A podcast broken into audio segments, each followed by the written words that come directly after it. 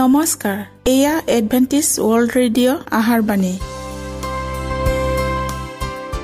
ষোল্ল মিটাৰ বেণ্ডত সোতৰ হাজাৰ আঠশ দহ কিলোহজত এডভেণ্টিছ ৱৰ্ল্ড ৰেডিঅ' যোগে অসমীয়া ভাষাত প্ৰচাৰিত আহাৰ বাণী প্ৰত্যেক বুধবাৰ আৰু দেওবাৰ সন্ধিয়া সাত বজাত আহাৰ বাণী শুনাৰ পিছত আপোনালোকৰ কিবা মন্তব্য আৰু প্ৰশ্ন থাকিলে আমালৈ এই ঠিকনাত লিখক। আমাৰ ঠিকনাটি হৈছে Adventist world radio' seven day Adventist মণ্ডলী অসম শাখা লতাকাটা বশিষ্ট গুৱাহাটী সাত আঠ এক শূন্য দুই ন।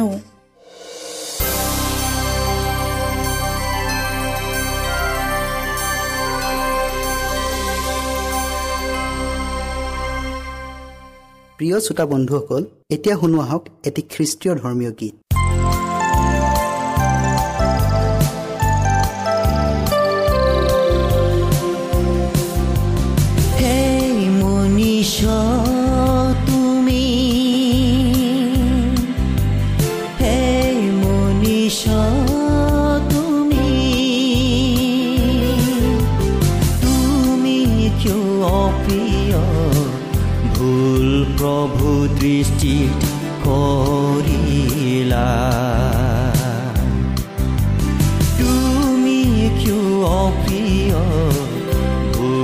ভুল প্ৰভু দৃষ্টি কৰিলা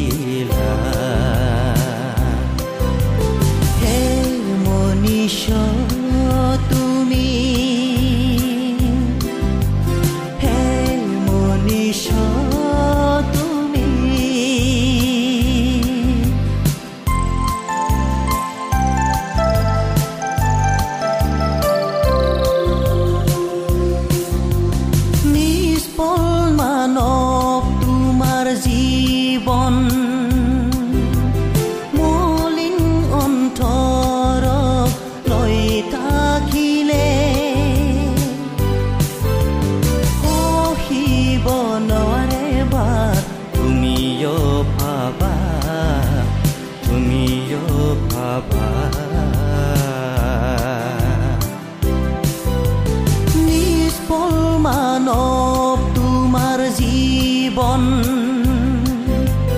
মলিন অন্তৰ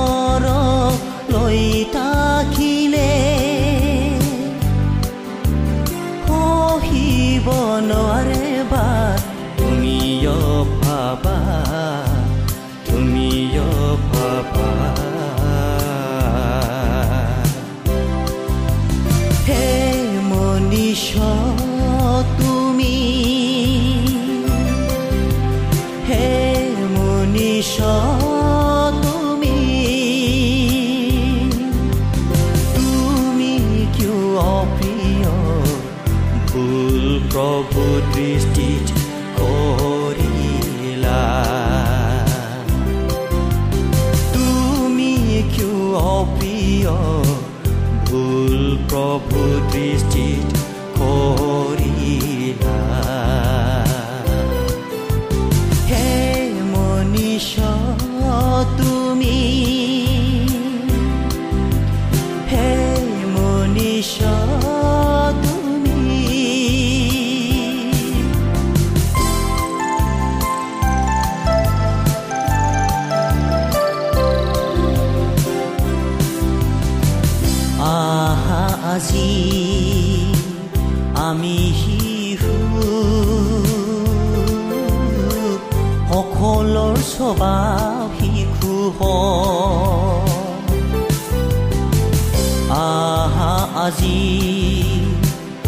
আমি বিশ্বাসযোগ্য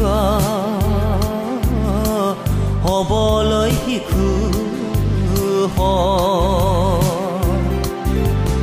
আহা আজি আমি শিশু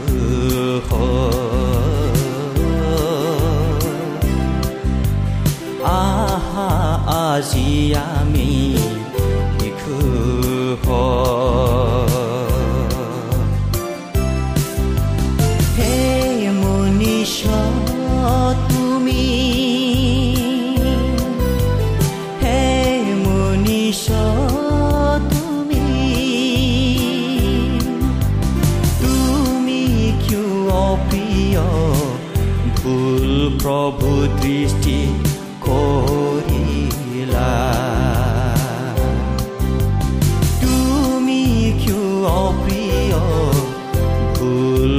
প্ৰভু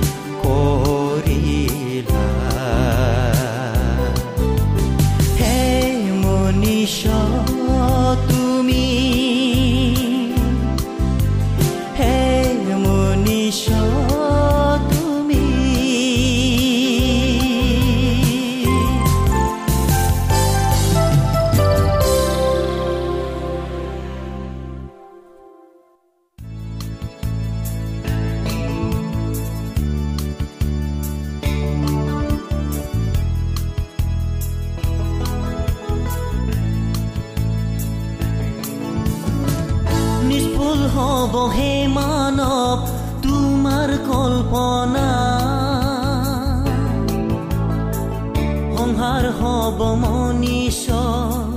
তোমাৰ বৃতা চেষ্টা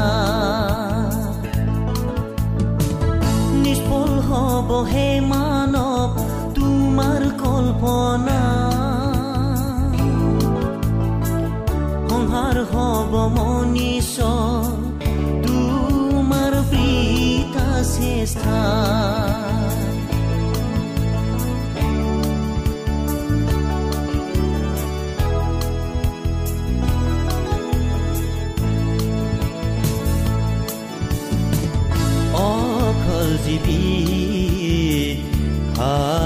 ভালতহে আশ্ৰয় মনীষ বাবে ধৰণী এতিয়া আছে এতিয়া জিনা। মনীষ জাতি জীৱন।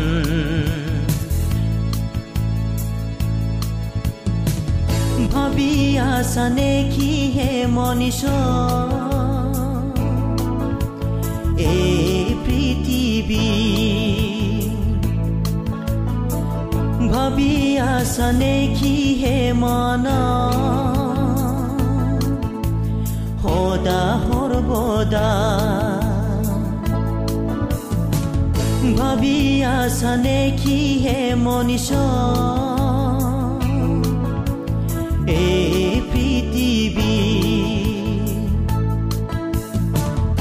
ভাবি আছানে কি হে মন সদা সৰ্বদা নিষ্ফল হব হে মানৱ তোমাৰ কল্পনা সংহাৰ হব মনীষ তোমাৰ বৃথা চেষ্টা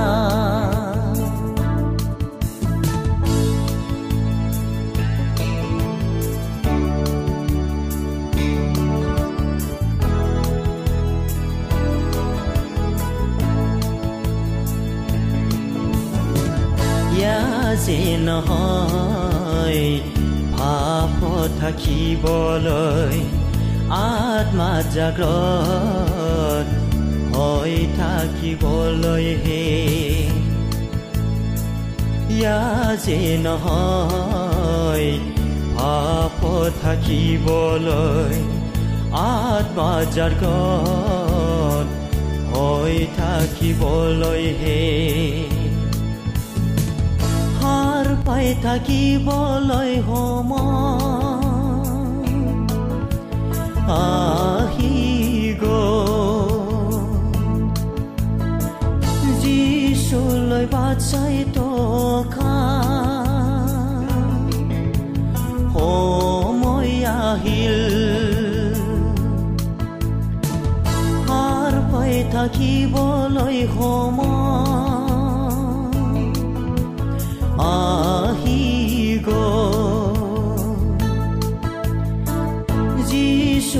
বাট চাই থকা আহিল নিষ্ফল হবহে মানৱ তোমাৰ কল্পনা সংহাৰ হব মনীষ তোৰ চেষ্টা নিষ্ফল হবহে মানৱ তোমাৰ কল্পনা। সংসাৰ হব মনীষ তোমাৰ বৃথা চেষ্টা তোমাৰ বৃথা চেষ্টা তোমাৰ বৃথা চেষ্টা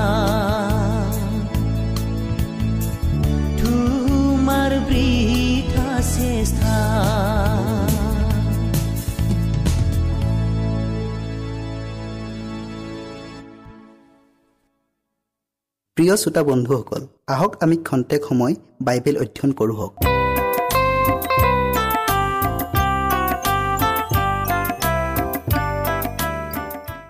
আমাৰ আজিৰ বিষয়টি হ'ল গোটেই মানুহটোৱে পবিত্ৰকৃত হোৱা।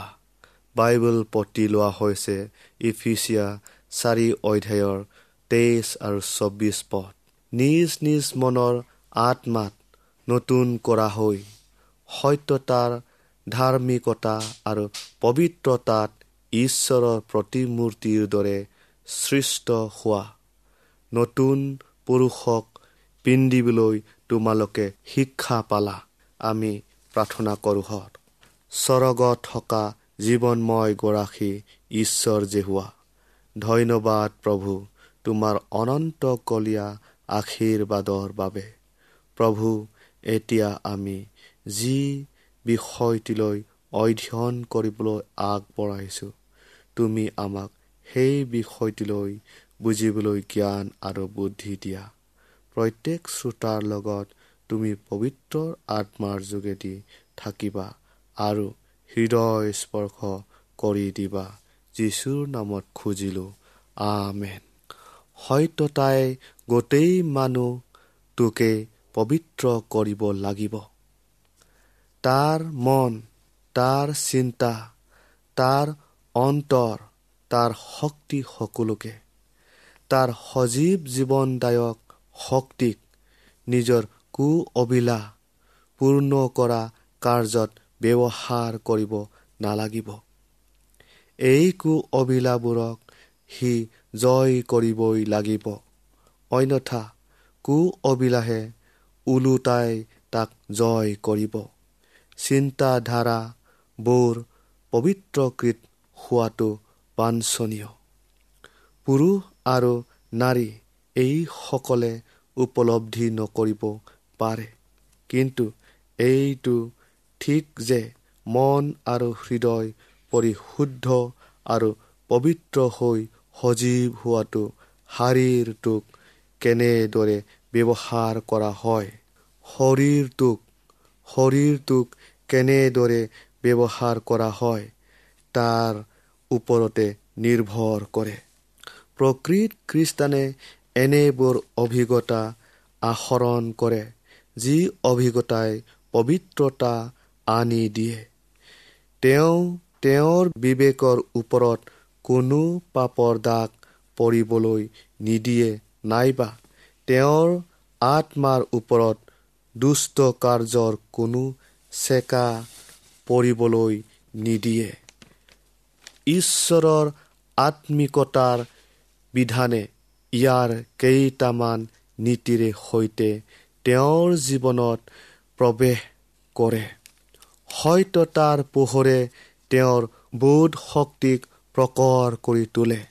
উদ্ধাৰ কৰ্তাৰ প্ৰতি উদ্ভৱ হোৱা সম্পূৰ্ণ প্ৰেমৰ জেউতিয়ে তেওঁৰ আত্মা আৰু ঈশ্বৰৰ মাজত আৱৰি থকা বিষয়ময় বাষ্পক আঁতৰাই পেলায়।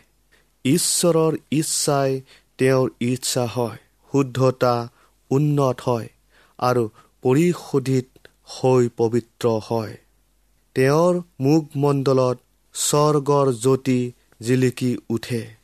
তেওঁৰ শৰীৰ পবিত্ৰ আত্মাৰ বাবে এক উপযুক্ত মন্দিৰত পৰিণত হয়।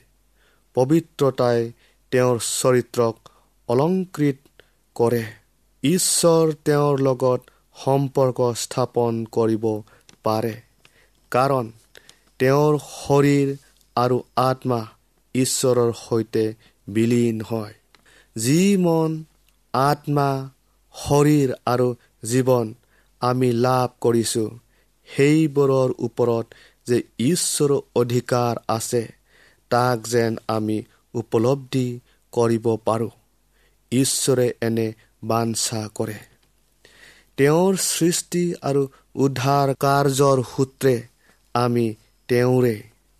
তেওঁৰ সৃষ্টিকৰ্তা হিচাপে তেওঁ আমাৰ পৰা পৰিচৰ্যা বিচাৰে। আমাৰ উদ্ধাৰকৰ্তা হিচাপে তেওঁ আমাৰ পৰা প্ৰেম বিচাৰে। আৰু আমি যেন সদায় তেওঁৰ লগত থাকোঁ তাক কামনা কৰে। আমাৰ জীৱনকালত প্ৰতিটো মুহূৰ্তত ঈশ্বৰে বিচৰা এই দুটা বস্তুক সদায় উপলব্ধি কৰা উচিত। আমাৰ শৰীৰ আমাৰ আত্মা আমাৰ জীৱনবোৰ তেওঁৰ পৰা পোৱা বিনামূলীয়া উপহাৰ বুলিয়ে যে তেওঁৰ হ'ল এনে নহয়। কিন্তু প্ৰতিটো ক্ষণতে তেওঁৰ আমাৰ মংগলৰ বাবে যিবোৰ শীতৰ কাম কৰে আমাৰ যোগ্যতা অনুযায়ী কাম কৰিবলৈ আমালৈ শক্তি প্ৰদান কৰে। তাৰ কাৰণেহে তেওঁৰ হ'ল। তেওঁ এনেদৰে কৈছে যিমান লোকে তেওঁ গ্ৰহণ কৰিলে তেওঁবিলাক সকলোকে ঈশ্বৰৰ সন্তান হ'বলৈ তেওঁ ক্ষমতা দিলে। এনেকি তেওঁৰ নামত বিশ্বাস কৰা সকলোকে এনে ক্ষমতা দিয়া হ'ল? যিসকল ঈশ্বৰৰ সন্তানৰ বাপ পালে তেওঁবিলাকে তেওঁবিলাকৰ চৰিত্ৰত কৃষ্টক প্ৰতিফলিত কৰিব। তেওঁবিলাকৰ কাৰ্যবোৰ সেই অনন্ত জনাৰ কোমলতা প্ৰেম মৰম স্নেহ আৰু ঈশ্বৰৰ পুত্ৰৰ পবিত্ৰতাৰ সুঘ্ৰান্ত সুগন্ধিত হ'ব। মন আৰু শৰীৰটোক যিমান সম্পূৰ্ণতাৰে পবিত্ৰ আত্মাত সোধাই দিয়া হ'ব সিমান অধিককৈ আমাৰ পৰা সুগন্ধিৰ হোৱাই তেওঁলৈ উঠিব। গীতমালা এশ ঊনৈছ অধ্যায়ৰ চৌত্ৰিছ পদটো আমি আকৌ পঢ়িও হওক। তুমি মোক জ্ঞান দিয়া তাতে মই তোমাৰ ব্যৱস্থা মানিম। মই অৱশ্যে সমস্ত চিত্তেৰে তাক পালন কৰিম। যেতিয়া নতুন জন্ম হয় নতুন চুক্তিৰ স্বাক্ষৰ কৰাৰ দৰে তেওঁৰ বিধানৰ মতে ব্যক্তিজনৰ হৃদয় ঈশ্বৰৰ লগত মিলন ঘটে। এই অপূৰ্ব আৰু মহান পৰিৱৰ্তন যেতিয়া এজন পাপীৰ গাত স্থান পায় তেওঁ মৃত্যুৰ পৰা জীৱনলৈ পাপৰ পৰা পবিত্ৰতালৈ বিধান ভংগকাৰী আৰু বিদ্ৰোহীৰ পৰা বাধ্যতা আৰু ৰাজভক্তিলৈ উত্তীৰ্ণ হ'ল। পবিত্ৰকৃত বা সূচীকৰণৰ ক্ষেত্ৰত থকা অশুদ্ধ ভুল ভ্ৰান্তিৰে পৰিপূৰ্ণ ধৰ্মবোৰে ঐশ্বৰিক বিধানৰ প্ৰতি অৱজ্ঞা আৰু অগ্ৰাহ্য কৰাৰ মনোভাৱ জগাই তোলে। আৰু আজি ধৰ্মীয় জাগৰণত এনে মনোভাৱে এক উচ্চ স্থান অধিকাৰ কৰি লৈছে। এনেবোৰ ধৰ্মত মিছা তত্ত্ব হোৱাৰ উপৰিও ইয়াৰ ফলবোৰ অতিশয় বিপদজনক হয়। আৰু এইবোৰ ধৰ্মত মানুহৰ মাজত ইমানেই জনপ্ৰিয় যে এইবোৰৰ বিষয়ে শাস্ত্ৰ বাক্যইনো কি কৈছে তাক তেওঁবিলাকে গুৰুত্ব নিদিয়ে। ইয়াৰ বিষয়ে তেওঁবিলাকে জানিবলৈকো ইচ্ছা নকৰে। আচল সূচীকৰণ অৰ্থাৎ প্ৰকৃত পবিত্ৰকৰণ হৈছে এটা বাইবেল তত্ত্ব। থিচলনিকীয়া মণ্ডলীলৈ লিখা পত্ৰত পৌলে এইদৰে ঘোষণা কৰিছে কিয়নো ঈশ্বৰৰ ইচ্ছা এই যে তোমালোকে যেন পবিত্ৰতা লাভ কৰা আৰু তেওঁ এইদৰে প্ৰাৰ্থনা কৰিছে শান্তিদাতা ঈশ্বৰে তোমালোকক সম্পূৰ্ণৰূপে পবিত্ৰ কৰক আৰু আমাৰ প্ৰভু কৃষ্টৰ আগমনৰ কালত তোমালোকৰ আত্মা প্ৰাণ আৰু শৰীৰ নিৰ্দোষীৰূপে সম্পূৰ্ণকৈ ৰক্ষিত হওক। সূচীকৰণো কি আৰু ইয়াক কেনেকৈ লাভ কৰিব পাৰি সেই বিষয়ে বাইবেলে অতি স্পষ্টকৈ শিকাইছে। ত্ৰাণকৰ্তাজনাই তেওঁৰ শিষ্যসকলৰ বাবে এইদৰে প্ৰাৰ্থনা কৰিছিল। হয়তো তাত তেওঁবিলাকক পবিত্ৰ কৰা তোমাৰ বাক্যই সত্য। আৰু তেওঁবিলাকনো যেন সত্যতাত পবিত্ৰ কৰা হয়।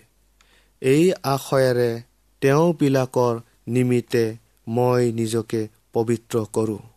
আৰু পৌলে শিক্ষা দিছিল যাতে যেন বিশ্বাসীসকলে পবিত্ৰ আত্মাৰ দ্বাৰা পবিত্ৰকৃত হয়। পবিত্ৰ আত্মাৰ কামনো বাৰু কি যীশুৱে তেওঁৰ শিষ্যসকলক এইদৰে কৈছিল কিন্তু সেই সত্যৰ আত্মা যেতিয়া আহিব তেতিয়া তেওঁ আটাই সত্যলৈ তোমালোকক পথ দেখুৱাই নিব। আৰু গীত ৰচকে এইদৰে কৈছে তেওঁৰ ব্যৱস্থা সত্য। তেওঁৰ বিধানৰ লগত সংলগ্ন হৈ থকা ধাৰ্মিকতাৰ মৌলিক তত্ত্ববোৰক ঈশ্বৰৰ বাক্য আৰু আত্মাৰ দ্বাৰাই মানুহলৈ মুকলি কৰি দিয়া হয়। আৰু যিহেতু ঈশ্বৰৰ বিধান পবিত্ৰ আৰু ন্যায় আৰু উত্তম সেয়ে এই ঐশ্বৰিক সিদ্ধতাৰ প্ৰতিলিপি বিধানৰ প্ৰতি বাধ্যতা হোৱাৰ দ্বাৰা যি চৰিত্ৰ গঠন হয় সিও পবিত্ৰ হ'ব। যীশুৱে কৈছে মই মোৰ পিতৃৰ আজ্ঞা পালন কৰিলোঁ। কিয়নো মই সদায় তেওঁৰ সন্তোষজনক কৰ্ম কৰোঁ। প্ৰিয়সকল কৃষ্টৰ অনুসৰণকাৰীসকল তেওঁৰ নিচিনা হ'ব লাগে। ঈশ্বৰৰ অনুগ্ৰহৰ দ্বাৰা তেওঁৰ পবিত্ৰ বিধানৰ মৌলিক তত্বৰে সহিত তেওঁৰ লগত মিল খোৱাকৈ কৃষ্টৰ অনুসৰণকাৰীসকলৰ চৰিত্ৰ গঠন হ'ব লাগিব। এইটোৱে হৈছে বাইবেল সূচীকৰণ। প্ৰিয়সকল এই কাৰ্য কেৱল খ্ৰীষ্টত থকা বিশ্বাসৰ যোগেদিহে সম্পাদিত হ'ব পাৰে। ঈশ্বৰৰ আত্মাত নিৰ্বাহ কৰা শক্তিৰ দ্বাৰাহে সম্ভৱ। ঈশ্বৰে আমাক সকলোকে আশীৰ্বাদ কৰক।